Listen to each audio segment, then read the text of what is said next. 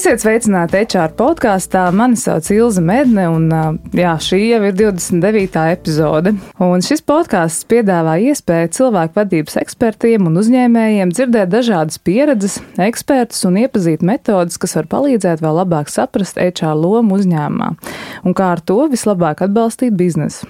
HR podkāsts top sadarbībā ar personāla vadības programmu KKHR. Tā ir viegli pielāgojama personāla vadības programma dažādiem HR procesiem, tādiem kā darba laika uzskaita, mājiņu plānošana, izdevumu, darbinieku vērtēšana un vēl daudz citu. Tāda plaša profila personāla vadības programma. Jā, tad mēs pēdējā laikā diezgan daudz runājam par to, kā veidot tādu motivējošu un iesaistošu darba vidi. Un kas tad ir tas lielais noslēpums, kas iesaista cilvēkus, kas palīdz komandām izaugt un kas palīdz vadītājiem veidot tādas uzticamas komandas, kā veidot pašiem savas prasmes un attīstīties un kā tad sasniegt tos labākos rezultātus, pēc kā visi patiesībā arī tiecās. Un arvien vairāk mums jāskatās uz uz cilvēku individualitāti un jārūpējās, lai mēs saskatām katru cilvēku potenciālu, lai viņš ir īstajā vietā un dara lietas, kas viņu iepriecina un uh, māca un palīdz un nobriest. Un patiesībā arī skatoties pētījumus, un es par to jau esmu runājusi iepriekšējos podkāstos uh, tieši par milēniāls un jauniem cilvēkiem, ka 85%, kas ir pietiekoši liels uh, cipars, norāda, ka Viņi ļoti novērtē šo individuālo pieeju, un es varētu teikt, man ir 33 gadi, es arī ļoti novērtēju. Gan jau, ka es arī esmu kādā no tām milēniāls paudzēm un kastītēm, bet man ir ļoti svarīgi, ja man ir individuāla pieeja, regulāra atgriezniskā saite, un, un ka es jūtu, ka vadītājs par mani interesējās, un jā, ka viņam ir šīs prasmes lietot gan šīs coaching pieejas, mentorēt. Uh, man ļauj uzņemties atbildību jomās, kas palīdz man ne tikai sasniegt šos rezultātus, bet arī man mazliet izaicina un liek pacīnīties, lai es tiktu pie tā kārotā rezultāta. Un tāpat arī cilvēkiem briedumu gados, kas ir šī silver paudze, par ko nevajag aizmirst. Mums lielākā daļa darbinieku šī cilvēku briedumu gados. Viņiem arī nepieciešams apzināties gan viņu pašu potenciālu, gan izaugsmas ceļu, karjeras virzienus. Un, Un tieši tāpēc šodien mēs runāsim par tādu metodi, par kuru gana daudz jau ir dzirdēts, un es domāju, ka diezgan daudz jau varētu teikt, ka lieto šo ikdienā par situatīvās līderības pieju. Jā, viņi pat par sevi nav nekas jauns, taču mēs arvien vairāk dzirdam, ka tas ir tāds, tāda panākuma atslēga, tāds labs starts, ar ko palīdzēt tādam vadītājam saprast, nu, kas tad ir šī te attīstību, kā cilvēks spēr attīstās, kā viņš var palīdzēt attīstīties gan savam darbiniekam, gan patiesībā attīstīt arī sevi caur šo pieeju. Un, jā, tad kas tad ir šī situatīvā vadība, jeb es teiktu tāda dzīves ceļa teorija, kas palīdz saprast šo attīstības ceļu, kā to lietot, lai cilvēki justos novērtētāk ik, ikvienā izaugsmas posmā. Un par to šodienas sarunas esmu aicinājusi Katrīnu Ošlaju. Un Katrīna ir kočs, trenere, supervizora un psihoterapeite. Un tieši tāpēc, ka viņa vada šīs meistarklases par situatīvo vadību, tāpēc arī priecājos tevi šeit redzēt. Čau, Katrīna! Sveiki! Jā, mēs jau tikāmies kaut kādu laiku atpakaļ, un tas bija gandrīz gadu atpakaļ, un uh, tu biji pie manis ciemos uz otro epizodi, kur mēs runājām par to, vai vadītājs var būt kočs. Un, uh, Un arī mēs pieskārāmies līderības aspektam un vadī, vadītājam un, un kāda ir tā loma vadītājam šī darbinieka dzīvē. Tad, jā, tad, kad tu vadi šīs meistarklases, tad tu saki, ka dažādi darbinieki un dažādas pieejas. Un, ko tad nozīmē, Katrīna, skatīties uz katra darbinieka individuālo potenciālu? Jā, nu, lai gan ir ļoti daudz motivācijas teorijas, sākot ar jau tradicionālo Maslovu, un arī varbūt daudz izmanto savās organizācijās kaut kādā ziņā arī tā saucamo Herzberga motivācijas higienas faktoru teoriju. Man, manuprāt, visas šīs teorijas tomēr neizsmeļ uh, realitātes daudzveidību un nu, tādu sarežģītību. Ja. Un arī es gribētu teikt, ka arī tā pati situatīvā līderība, nu, kā tāds modelis, nevajag to uztvert arī kā tādu vienīgo pareizo pieeju, skatīties to elastīgi, jo nu, ikdiena ienes dažādas nianses, kāpēc varbūt tas modelis varbūt kaut kādās situācijās arī nedarbojās. Bet tā galvenā doma ir tāda, ka visus darbiniekus būtībā var sadalīt tā tādās četrās milzu grupās. Un, protams, dzīve būtu ārkārtīgi vienkārši, ja mēs visus cilvēkus dzīvē varētu sadalīt kastītēs. četrās kastītēs. Mm. Ja. Tagad atkal jau saku, uz modeļiem jāskatās tā mierīgi, ja tā nav reliģija. Ja. Un, bet uh, man tas ir pašai palīdzējis saprast, kā pieiet uh, gan saviem darbiniekiem, jāatzīstās arī, kā komunicēt saviem bērniem. Es varbūt izstāstīšu. Uh, no kurienes vispār man tā interese radās. Nu, katram, kam ir bērni, noteikti kaut kādā brīdī sastopas ar tādu dilemmu. Nu, piemēram, man bija tāda dilemma, meita izteica vēlmi iet daļslidošanā. Mm -hmm. nu, lieliski, ja liekas, kāpēc nē, taču jānorganizē, saorganizējām, sapirkām slidas, tērpu, visu investējām, vedam. Un pēc kāda brīža viņi saka, viss, es vairs negribu iet uz daļas lidošanu. man bija tāds priekš sevis jautājums, nu kāda tad ir tā vecāka loma, un reizēm tas ir arī vadītājiem jāsaprot, cik daudz uzspiest un cik daudz ļaut pašam izvēlēties, mm. kur man ir jābūt tādai disciplinējošai, nu, tādai strikti audzinošai, ar visām konsekvencēm, vai tieši otrādi man ir jābūt atbalstošai, tādai mm. mīlošai un elastīgai. Man liekas, gan vadītāji, gan vecāki starp šīm divām galējībām visu laiku mokās, tur, mm -hmm. kā tam man šoreiz reaģēt, kas tam man tagad jādara.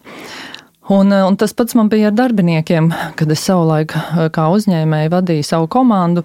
Nu, protams, bija izvirzīti kaut kādi mērķi, kas jāsasniedz, nu, un tur kaut kādā brīdī kāds mērķis nav sasniegts, un tad ir jautājums, nu, ko tagad, vai man spiest uz tiem mērķiem, ja vairāk tā kā atbalstīt, un, nu, mm -hmm. atkal kādai man būt tādai tādai, kā saka, tafu vadītājai, mm -hmm. ja, vai vairāk iet caur to mīlestības ceļu. Mm -hmm. un, Un gan vienā, gan otrā gadījumā ir kaut kāda mīnusi.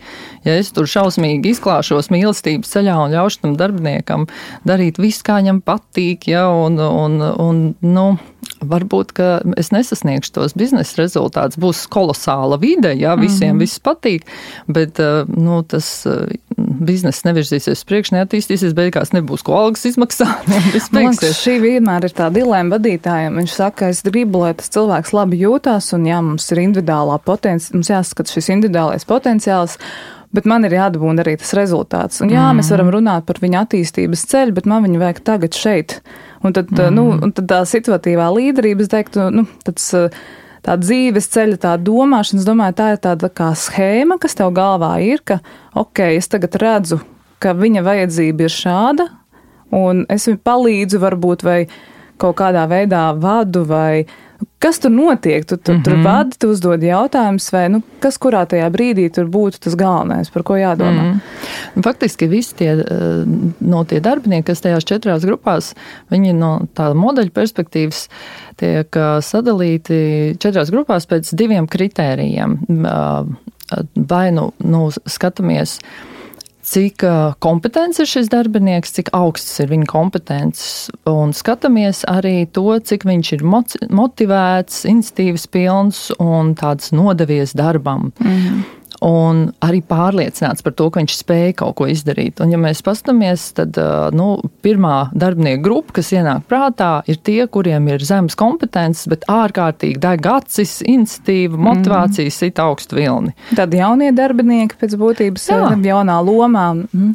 Tieši tā, un ja mēs tā iedomājamies sevi, kad mēs nu, sākām savu karjeru un pirmo nopietno darbu dabūjām, mm -hmm. jā, varbūt tikko augstskolu pabeiguši un likās, nu tā, tagad man sāksies īstā dzīve, mm -hmm. nu tik es iešu, tur parādīšu arī, kā tur vajag pareizi darīt lietas, jo es mm -hmm. taču nu mhm. pat augstskolā visu apguvu un uzrakstīju Zinu, savu maģistra darbu, jā.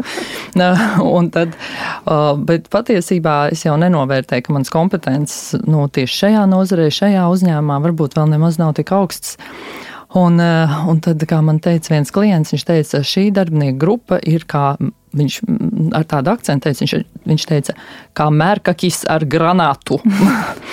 un taisnība ir, sevišķi IT departamentā, tas tā varētu būt. Tas klients bija, viņš vadīja IT jomu vienā uzņēmumā, un tie, kam deg acis, bet viņiem vēl nav kompetences, viņi ir kā mērkaķi ar granātu. Ja? Mm.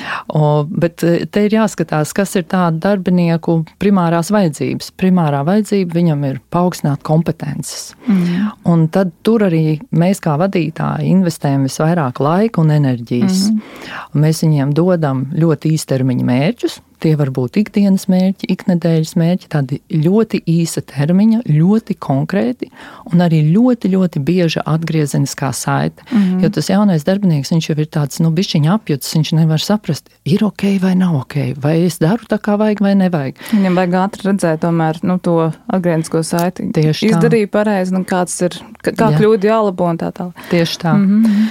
Un, nu, tad paiet kāds laiks Jā, šim darbiniekam, protams, ir um, bieži vien arī lielas ambīcijas, jā, ka viņš drīz izaugs. Nu, paies gads, es jau būšu noteikti kāda neliela departamenta vadītājs. Paiet tas gads, un nekā. Mm -hmm. Kompetences višķiņi ir augušas, bet nu nav arī tā, ka uh, eksperts. Ja. Nu, mūsdienās mēs varam mazliet to laiku saīsināt. Tie ir varbūt kādi 6, 9 mēneši, kad jaunie saka, jau mm -hmm. uh, varētu paaugstinājumu vēl augstu pielikumu. Tie, tieši tā. E, godīgi sakot, es arī vienā bankā prasīju, kas ir viņu tas cikls. Viņi teica 6 mēneši, ja, kad, kad jaunie darbinieki saka, ka kaut kas trūks dzīvē. Tas ja. gatavs. Jā, jā. jā. Un, un visbiežāk pēc tiem sešiem mēnešiem arī ir tas brīdis, kad cilvēki saka, nu nē, es sapratu, ka šitā nav mana vieta, es iešu projām.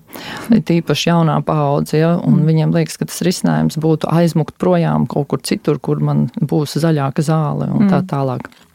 Nu, prasmīgi vadītāji nomotivē viņus tomēr palikt, mm, bet mm. iegūda laiku atkal turpina tās pašas kompetences attīstīt. Bet kas tur notiek ar to motivāciju? Tā kā tas paaugstinājums uzreiz nesako, tā motivācija dramatiski krītās. Var teikt, ka viņi nu, aplauž spārnus. Mm. Un, un tur ir daudz tāda depresīva noskaņojuma. Ja, Tad, ja mēs pēc tā modeļa skatāmies, tas ir kaut kāds tāds otrais posms, Jā. kad ir tas, tas tāds māceklis vairāk tāds. Jā, mm. tieši tā, tas ir otrais posms, kad kā liekas, mm, tas progress nav tik strauji, kā es domāju, izrādās ir jāmācās daudz vairāk, tur jāiedziļinās, viss ir daudz sarežģītāk un, un tā motivācija arī apsīkst. Un te vadītāja loma ir no vienas puses turpināt attīstīt kompetences, tās profesionālās kompetences, bet arī ļoti daudz atbalstīt. Mm. Jo motiv, nu, motivācijas trūkst, tur vajag atbalstu. Mm. Un no vadītājs faktiski darbojās arī caur no divām jomām, no caur tādu direktīvo vadību, tādā pozitīvā nozīmē direktīvu vadību, kur ir īstermiņa mērķi un bieži atgriezeniskā saita. Viņš daudz mentorē, saka priekšā, padomus mm. dod. Ja. Un starp tādu atbalstošu uzvedību. Un tad, kad ir zema motivācija, ļoti vajadzīga tā atbalstošā uzvedība, skaidrot, kāpēc uh, to lietu vajag darīt tā vai savādāk. Ja tajā pirmajā grupā mēs vienkārši sakām, kas jādara, bet mēs mm. vēl varbūt neskaidrojam, kāpēc, tad te ir svarīgi, kāpēc. Un te ir svarīgi iesaistīt arī lēmumu pieņemšanā, prasīt viedokli, lai tas mm. cilvēks jūtas vērtīgs, novērtēts, ka viņu sadzird, lai celtu to motivāciju. Mm. Nu, bieži vien varētu būt, ka to arī nedara pats vadītājs. Viņš izdomā veidu, ka tas ir mentors vai darba audzinātājs vai kāds, kas var atbalstīt. Mm. Jā, un ļoti bieži tiek piesaistīti tādi vecāki eh, kolēģi, kuriem ir tā pieredze un kompetence, un kur ir nu, mm. spēlē to mentoru lomu. Nu, un tad uh, trešā grupa ir darbinieki, kur ir faktiski divas apakšgrupas. Viena ir tāda, kur tās kompetences ir izaugušas, uh, un, nu, bet nav vēl izaugusi tāda pārliecība par to, ka es to tiešām spēju. Es atceros, ka man bija tāda darbiniece savulaik, tā kā es strādāju toreiz personāla atlases jomā. Viņa bija nu, tiešām izaugusi no pamatu pamatiem, un viņa bija sākusi vadīt intervijas. Tad eh, nu, mēs gribējām, lai viņa sāk arī iet pie klientiem patstāvīgi. Un viņš šausmīgi baidījās. Viņa visu laiku gribēja, lai mēs nākam tie pieredzējušākie līdzi un tur sēžam un asistējam. No, nu, tā mugurkaula pašapziņa tāda. Jā. Tieši tā, lai gan praktiski viņai kompetence bija pilnīgi pietiekamā mm. līmenī, lai pati to darītu. Un tad tur ir vadītāja loma iedrošināt. Un reizēm tā iedrošināšana ir caur tādu bišķiņu uh, paspēršanu ārpus komforta zonas. Mm. Un man ir daudz vadītāju, kuriem es esmu prasījis, kas bija tas punkts, kad, kas tev lika nu, tā sajust, ka tu strauji attīsties. Man daudz ir teikuši, tas bija tas brīdis, kad mans vadītājs man lika aiziet padomē, noprezentēt. Uh, prezentāciju, ko parasti viņš prezentēja. Ja? Mm. Tas ir bijis tāds spēriens. Mm -hmm. un, un mhm. toreiz mēs arī ar to mūsu darbinieci izdarījām tā, ka uh, mēs ar kolēģi vienojāmies, ka būs jāiet pie viena klienta. Un mēs teiksim, ka nu, mums ir pilns grafiks, mēs nevaram tikt nekādīgi, ja mm. dzīve piespiež viņai, nu ir jāiet vienai. Mm. Protams, ka viss izdevās. Mm. Bet šito mēs varam darīt tikai tad, ja ir tāda pilnīga pārliecība, ka viņš tiks galā ka mm. kompetences ir pietiekamas. Mm. Tad ļoti labi jāpazīst savus cilvēkus. Un tad Jā. šeit atkal ir tā, nu, jā, ar to ir visu laiku strādājis darba audzinātājs, un tu esi mm -hmm. mazliet kā aizlaidies no tās attīstības sarunas, mm -hmm. tad tu īsti nezini, var, es varu viņam dot to vai nē, nu, tur ir nobrūkbišķiņ tā, tā sistēma. Nu, var parunāties ar to darba audzinātāju, var, paprasīt, kā viņš nu, runāšana atslēga. jā, jā. Mm. Nu, un tur ir vēl viena apakšgrupa, tajā trešajā uh, darbinieku grupā, ir tādi, kas nostrādājuši tiešām labu laiku, ir kompetences, prasmes, viss ir kompetence ir izaugusi. Mm. Bet ir iestājusies kaut kāda rutīna. Un uh, nav tādas deksmes un motivācijas kaut ko darīt, tu piedāvā kaut kādas pārmaiņas. Viņi saka, ah, mēs jau to mēģinājām piecas gadus atpakaļ, tas nestrādās. Un tāds mm -hmm. diezgan skepse, neko tāda nav iniciatīvas, neko negribas darīt, un viss tāda kritiska attieksme. Mm -hmm. Tāds zinošs, kritisks, mm -hmm. lojāls, bet vienlaicīgi nemotivēts cilvēks. Tieši ja, tā diezgan pazīstams profils. Daži ir, nu, teikt, daži personāla vadītāji varētu teikt, mums lielākā daļa tāda ir. Jā, jā nu, neiesim tajā negatīvajā pusē, jā. bet nu, pieņemsim. Jā. Nu, tas atkarīgs arī no uzņēmuma un kultūras. Mm. Un, Bet, protams, ir šādi darbinieki, un ko var darīt vadītājs, lai celtu viņu motivāciju, iesaistīt. Un šie ir tie cilvēki, kur varētu kļūt par mentoriem. Tad, kad viņiem mm. iedod to mentoru lomu, kur viņi var dalīties kādam, ja nodot savas zināšanas un prasmes, viņi sajūtās tā kā nozīmīgi, svarīgi, un tā motivācija aug. Vai, teiksim, piedāvāt viņiem kaut kādus atsevišķus izaugsmas projektus biznesā, viņi, par kuriem viņi ir pilnībā atbildīgi vadīt eh, kaut kādas darba grupas. Ja? Sevišķi tad, kad viņi saka, nu, šito mēs mēģinājām pirms pieciem gadiem, nekas nesnāks. O, tu mēģināji pirms pieciem gadiem, tad mm -hmm. tu mhm. zini visus zemūdens akmeņus. Mm -hmm. Ko mēs varētu šoreiz darīt savādāk, lai izdotos? Ja? Kā būtu, ka tu vadītu šo darba grupu, mm -hmm. izmantot to viņu pieredzi ja? mm -hmm. un pagriezt to tādā nu, pozitīvā virzienā. Manuprāt, tu lieliski izskaidro to, to modeli un, principā, nu, mēs varam skatīties tā dzīves ceļu nu, no tāda jauna, entuziastiska darbinieka līdz tādam nobriedušam, nu, kuram ir vajadzīgs vēl papildus tāds grūdienis, lai viņš vēl kaut ko vairāk sasniegtu, kā tu teici, mazliet no tās komforta zonas izkāpt un uh, padarīt lietas, kuras varbūt viņu nedaudz izaicina. Un, uh, Te, nu, man liekas, ir diezgan uh, lielas grūtības, kamās nonāk vadītāji. Viņi vai nu aizlaižās no situācijas, mm -hmm. ka mhm. ir, uh, nu, viņš saprot, ka īsti briest nepatikšanas, jo šis cilvēks patiesībā ir diezgan izaudzis, un es īsti nezinu, ko ar viņu darīt. Un tad viņš nāk pie manis ar teikumu, es, man liekas, ka es visu zinu, es varu, un viņš ir savā ziņā sasniedzis tos griestus. Mm -hmm. Un tad, nu, biežāk tajās attīstības sarunās ir jautājums par jaunu amatu, par -hmm. lielāku atalgojumu, vai, nu, dod man vēl kaut ko. Tad jautājums, kā ir, nu, teiksim, ja viņš ir grūti vadāms, ko, ko viņam darīt? Ko tam vadītājam darīt ar šo cilvēku? Jo patiesībā jau bieži vien vadītājs tas, kurš redz, ka griezt vēl ir mm, diezgan tālu. Mm -hmm. Nu, jā, kā tu pirmie pareizi minēji, nu, viss ir par runāšanu. Jā. Arī jā, jā. nu, laikam ir jārunā un, un jā, nu, jāstāsta, jādod atgriezeniskā saite, kur es redzu tavu attīstību vēl. Mm. Uh, un nevis caur tādu kritiku, bet caur tādu iespēju parādīšanu. Mm. Uh, bet mēs vēl par ceturto grupu nepārunājām. Jā, es jau ielicu ātrāk mazliet. tā, lai kopēji tā jā. bilde ir skaidra, es vēl ātri izstāstīšu par ceturto Pastāst grupu. Pastāst par ceturto grupu. Jā, nu tie ir tie, kuriem ir gan augstas kompetences, gan augsta motivācija. Un tie ir tie cilvēki, kurus mēs saucam, viņš ir mana labā roka. Dēļ viņa es varu aiziet atvaļinājumā, dēļ viņa es varu saslimt, un es zinu, mm. ka viss būs kārtībā. Mm. Un ir uh, labi pāanalizēt uh, un tā pavērtēt, vai manā komandā kāds tāds ir. Ja, jo ir labi, ja vismaz viens tāds cilvēks tev ir. Uz jā, ko paļauties. Jā. jā. Jā, mm. jo savādāk vadītājs vienkārši izdeg. Uh, un, um, bet arī šajā grupā ir dažādi riski. Viens no riskiem ir tas, ka šie darbinieki būtībā ir nu, izauguši, viņiem vajag nākamo izaicinājumu, un mm. viņi ir visu headhunteru un personāla atlases kompāniju interesantākie subjekti. Jā. Arī labā roka. un tad ļoti bieži viņus uzrunā šie headhunteri, un viņi tiešām arī aiziet citur. Mm. Un, ja es apzinos kā vadītājs, ka man viņam nav ko piedāvāt tādai izaugsmai, varbūt arī labi, lai viņš iet, nav ko ņemt ļaunā. Ja? Mm -hmm. uh, bet priecāties par viņu izaugsmu un novēlēt viņām veiksmi. Uh, otra lieta, kas ļoti bieži notiek ar šiem darbiniekiem, ir izdegšana.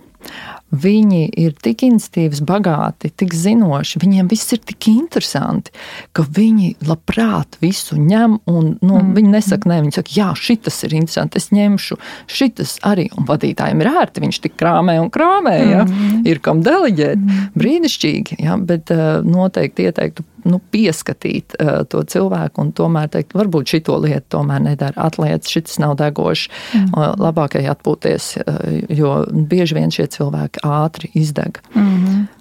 Un, eh, un savukārt, lai motivētu šos cilvēkus, eh, nu, tiem nākamajiem soļiem, viņiem var, ar viņiem runāt un prasīt, kas viņam būtu interesanti, izaicinoši. Varbūt var piedāvāt kaut kādus tādus, varbūt pat ar konkrētu amatu nesaistītus, bet kaut kādus papildus projektus uzņēmumā, mm. lai viņš varētu kaut ko vēl izpētīt. Man te bija vakardien viena klienta, arī vadītāju, un mēs ar viņu, nu, viņa tā kā arī pazaudējusi tādu deksmi un interesi. Mm. Daudzus gadus strādā lielā uzņēmumā par uh, lielas daļas vadītāju, un es viņai prasīju, viņa teica, faktiski man būtu interesanti paņemt kaut kādu sfēru mūsu biznesā, kas man ir pilnīgi sveša.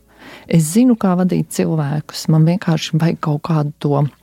Uh, nu, to saturu mm. citu, ja, un, un, lai man ir interesanti, lai man ir izaicinājums, lai man kaut kas jāapgūst, lai es sajūtu, ka es attīstos.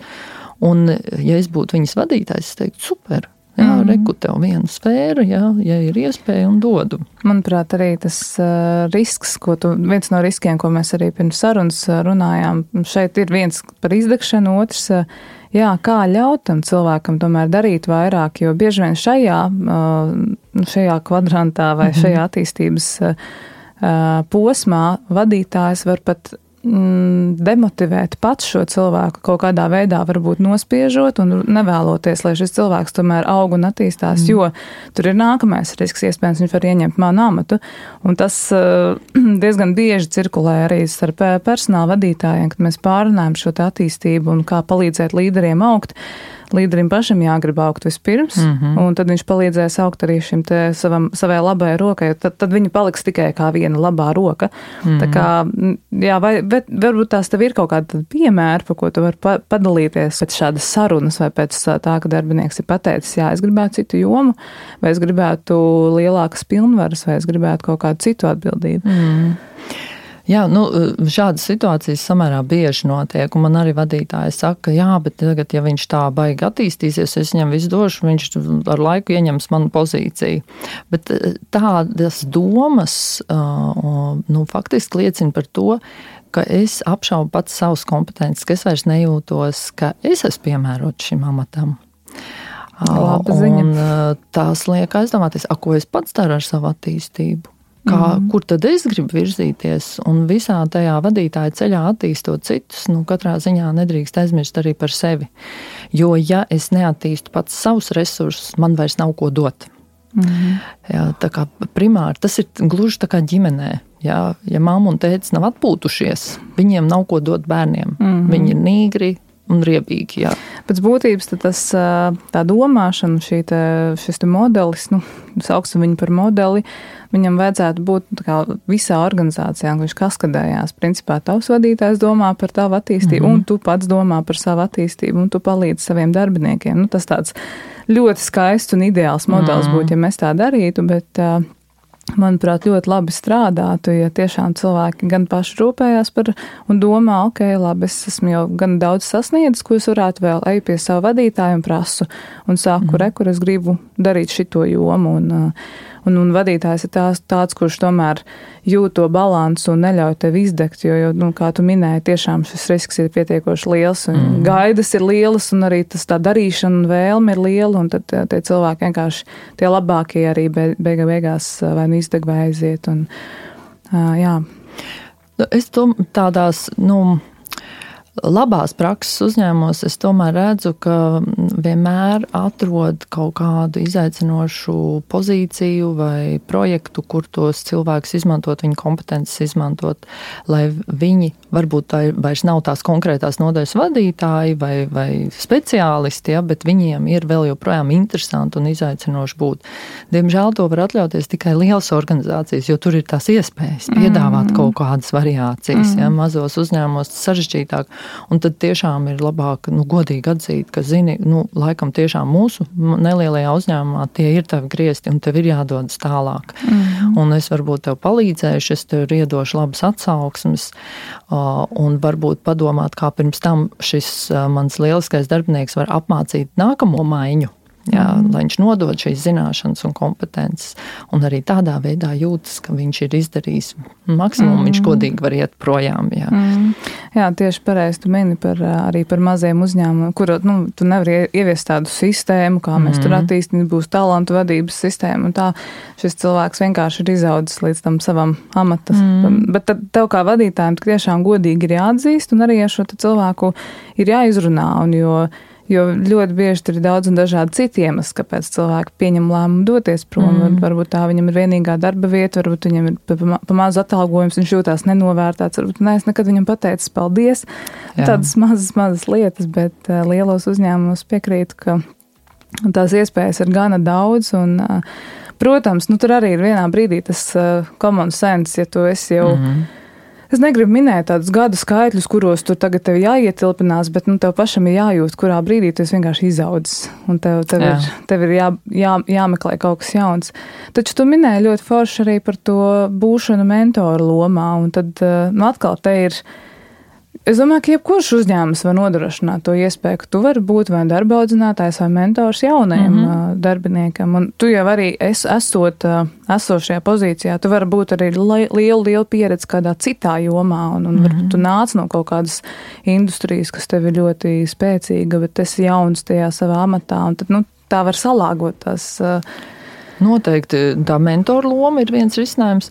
Arī nu, par to modeli runājot, mēs viņu tā varbūt izstāstījām tādā dzīves cikla, nu, tādā chronoloģiskā mhm. secībā, mm -hmm. bet jāsaka, ka tas nu, dzīvē nu, nenotiek tā pēc kārtas, kad iz, iziet cauri visiem mm -hmm. tiem, visām tām grupām tieši tādā secībā. Var jau arī būt tā, ka es ienāku organizācijā un es uzreiz ielecu, nezinu, ceturtajā kvadrantā, kur ir tas kompetentais un motivētais. Mm, gatavs, jā. Jā, mm -hmm. bet varbūt man atnāk kaut kāds jauns, pilnīgi nesaprotams projekts, kāds nu, vispār man nekad nav bijis, un es nokrītu uz pirmo kvadrantu. Es, es pēkšņi jūtos nekompetents, ja, bet motivēts apgūt. Mm -hmm. Un faktiski visā savā dzīves nu, pieredzē mēs klejojam pa tām grupām, un dažādās situācijās mēs esam dažādās vietās. Mm -hmm. Turklāt arī par to kompetenci runājot, arī tas nav tāda abstrakta kopējā kompetence, jo var būt tādas situācijas, nu, paņemsim vienu piemēru ražošanas vadītājs. Nu, piemēram. Jā, un uh, ražošanas vadītājam nu, viena no pamatkompetencēm ir ražošanas procesu pārzināšana, procesu vadība, kvalitātes vadība. Un pieņemsim, ka viņam tur tiešām ir tas ceturtais kvadrants, viņš tur ir motivēts, kompetents, viss brīnišķīgi. Bet kas attiecas uz finansēm un budžetu, viņš varbūt ir pat otrajā kvadrantā, mm. kur viņš jūtas nezinošs un viņš nemāk to lietu, un līdz ar to viņam arī nav nekādas motivācijas un deksmes. Un tur tieši tajā kompetencē viņam ir vajadzīgs vadītāja atbalsts un palīdzība. Tā kā mm -hmm. skatāmies uz tām atslēgas kompetencēm, cilvēks var būt dažādos tajos, tajās mm. grupās.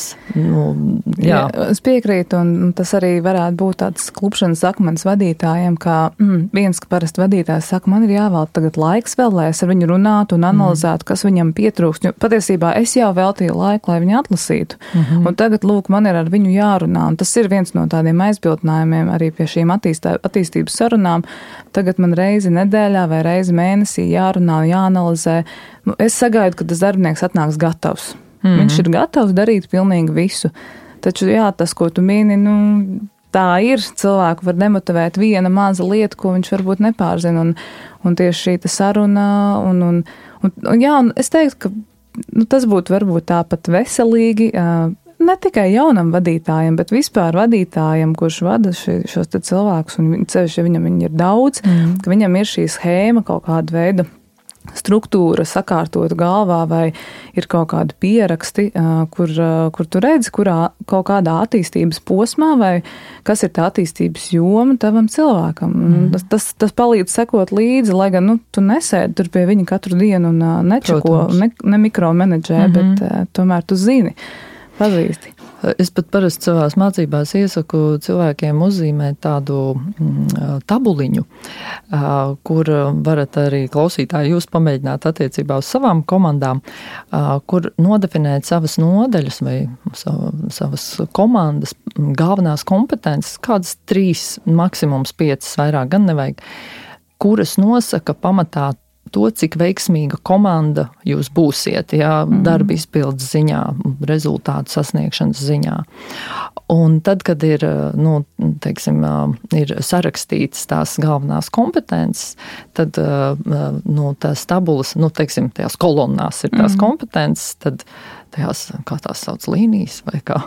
Horizontāli, vertikāli, jā, jā. tad sanāk horizontāli. Jā, tad horizontāli sarakstam visu savu, nu, tos cilvēkus, kurus mēs tagad gribētu novērtēt. Mm. Un tad mēs varam attiecībā pret katru kompetenci novērtēt, tur, teiksim, Ilze attiecībā uz komunikāciju ir ceturtā kvadrantā. Viņai ir motivācija, mm viņa ir kompetenta, bet kā ir attiecībā nezinu, tur uz budžetēšanu. Budžetēšanu, ja, ja tas ir tiešām mūsu nodaļas tāds mm. pamatfaktors, kā tad tas ir uz to mm. un kurā kvadrantā tad tur būs ilze. Un tad mēs būtībā saliekam visu savu komandu pa šiem kvadrantiem. Būtu labi, ja viņi būtu tiešām izkaisīti, jo tad, mm. nu, ja mums ir visi tikai ceturtā kvadrantā visās kompetencēs, tad mums ir daudz zvaigžņu visi kaut ko grib nākamo attīstības soli, tas arī ir sarežģīti.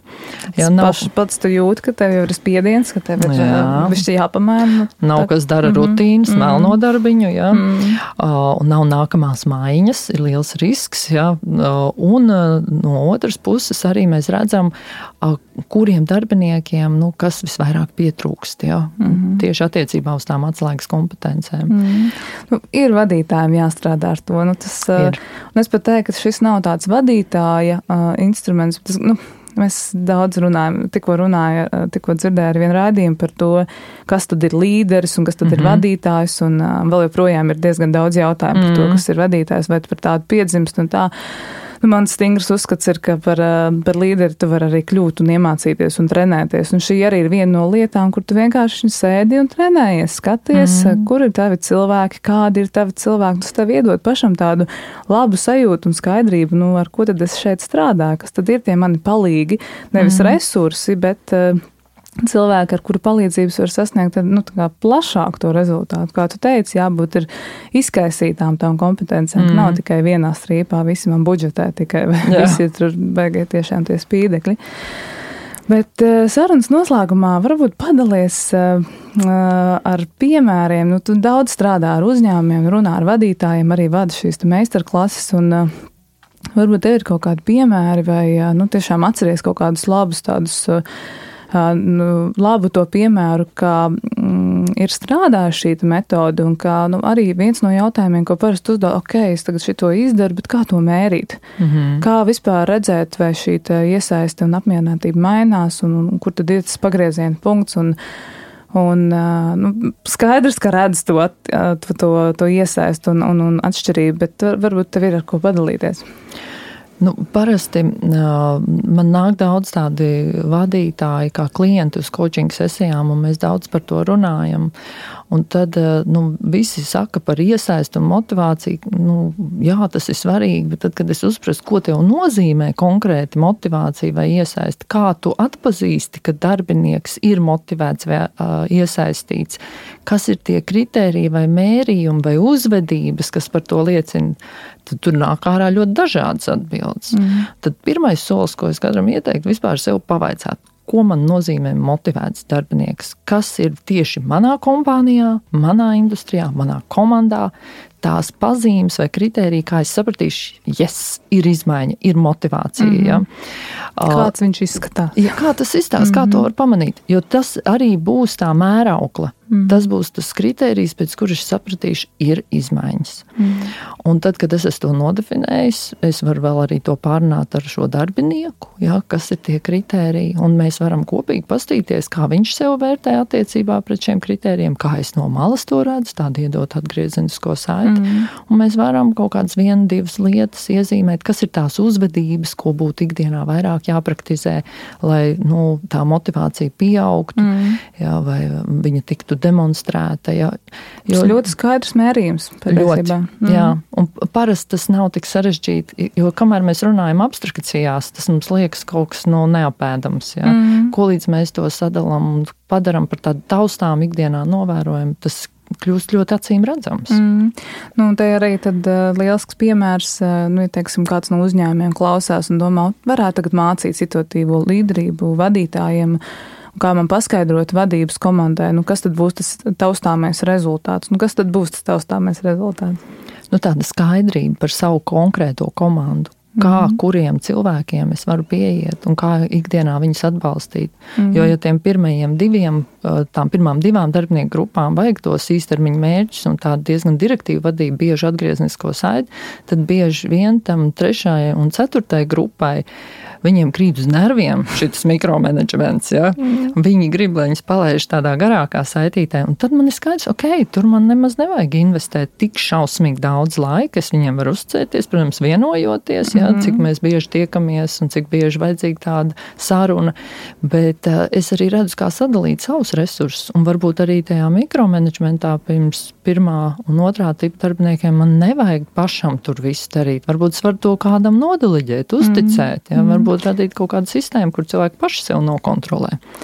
Nu jā, tā skaidrība pirmkārt par savu komandu, par saviem resursiem, prasmēm, kompetencēm, kas tev ir un kas var palīdzēt tev strādāt, gan arī nu, pašam tādu pārvaldību par savu laiku, un, un tas tev arī palīdz prioritizēt. Un tad, kam es pievēršu vairāk uzmanības, mm. kā es plānoju savu dienu, kā es plānoju savus darbus, un redz nāk projekti, es zinu, kuri cilvēki man palīdzēs, kur Tieši ir mana labā roka, kurš ir mans grēkāzes, vai nu, tas, kurš tiešām ir, ir vairāk jāatbalsta. Kā, nu, līderība ir ļoti grūti izmērīt vienlaikus arī diezgan viegli, jo tu redzi jau to taustāmo rezultātu uzvedībā. Mm -hmm. Un uzvedība ir tā, kas, nu, tā teiksim, parāda gan visu to motivāciju un iesaisti un visas šīs lietas, par kurām mēs te personāla vadības laukā diezgan daudz runājam, mm. un, un līderība, nu, es, es teiktu, ka nu, sāk ieņemt jau diezgan lielu lomu arī, teiksim, tādu uh, uzņēmuma uh, prioritāšu listē, kad, ja mums nav mm. šīs labās līderības un šie vadītāji nesaprot īsti, kā vadīt šos cilvēkus, tad, mm.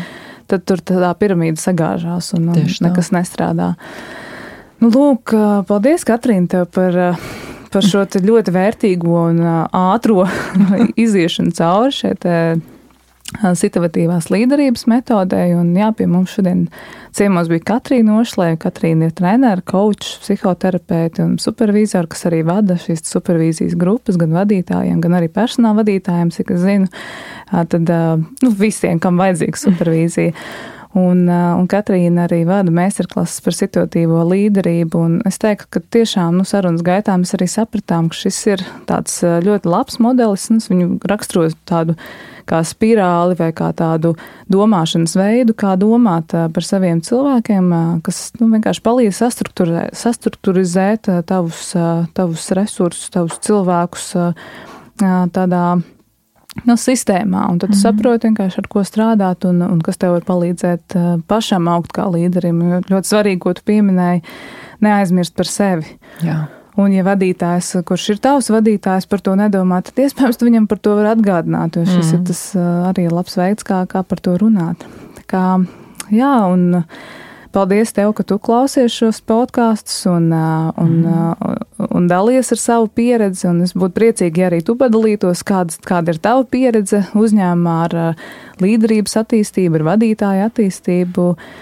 Un, jā, nākamajās epizodēs es domāju, ka būtu diezgan daudz laika runāt gan par šo vienu no kvadrantiem, ceturto par mentorēšanu vai par mikromanagementu vai par to, kā vadītāji dažādi uzvedās dažādās situācijās, bet nu, par to jau tālāk domāsim. Kā varbūt, Katrīna, tev kāds novēlējums, ko tu gribi pateikt noslēgumā? Jā, vērojot vadītājus dažādos biznesos un organizācijās, es arī redzu, ka reizēm vadītājiem ir ļoti vērtīgi pašiem priekš sevis nodefinēt un atzīt, varbūt, kāds tad vadītājs te šajā uzņēmumā, šajā biznesā ir vajadzīgs un kādu es to lomu gribu spēlēt. Jo ne visur vajag varbūt tādus mega līderus, Jā, varbūt mm. kaut kur ir vadītāja loma, drīzāk būt vecākajam ekspertam, un tad varbūt tur vairāk ir nu, tāda dalīšanās ar profesionālo pieredzi un mazāk darbs ar, nu, ar cilvēku. Savukārt, nu, varbūt es nu, kaut kā automātiski esmu pārņēmis kādu vadītāju lomu un aizmirsis par to, ka man bija kādreiz ideāli par to, ka man, ja es kādreiz būšu vadītājs, tad es gan rūpēšos par cilvēku izaugsmu, mm -hmm. nevis iejūkšos savos ikdienas darbos. Mm. Un varbūt sev nodefinēt, a, kāds vadītājs, kāds līderis es gribu būt, kas tieši liecinās par to, ka es tāds esmu, kas būs tie mani mērījumi un kritēriji tam, ka es augu. Paldies, Katrīna Zemāk. Ļoti labs jautājums. Arī nu, šobrīd ir vēl gada sākums. Katram pie sevis padomāt, tad, tad kāds es vēlos būt līderis un, un kur es šobrīd pats atrodos. Paldies tev, Katrīna, par būšanu šeit, par dalīšanos un lai mums visiem laba diena. Paldies, liels! Paldies! Veiksmīgi!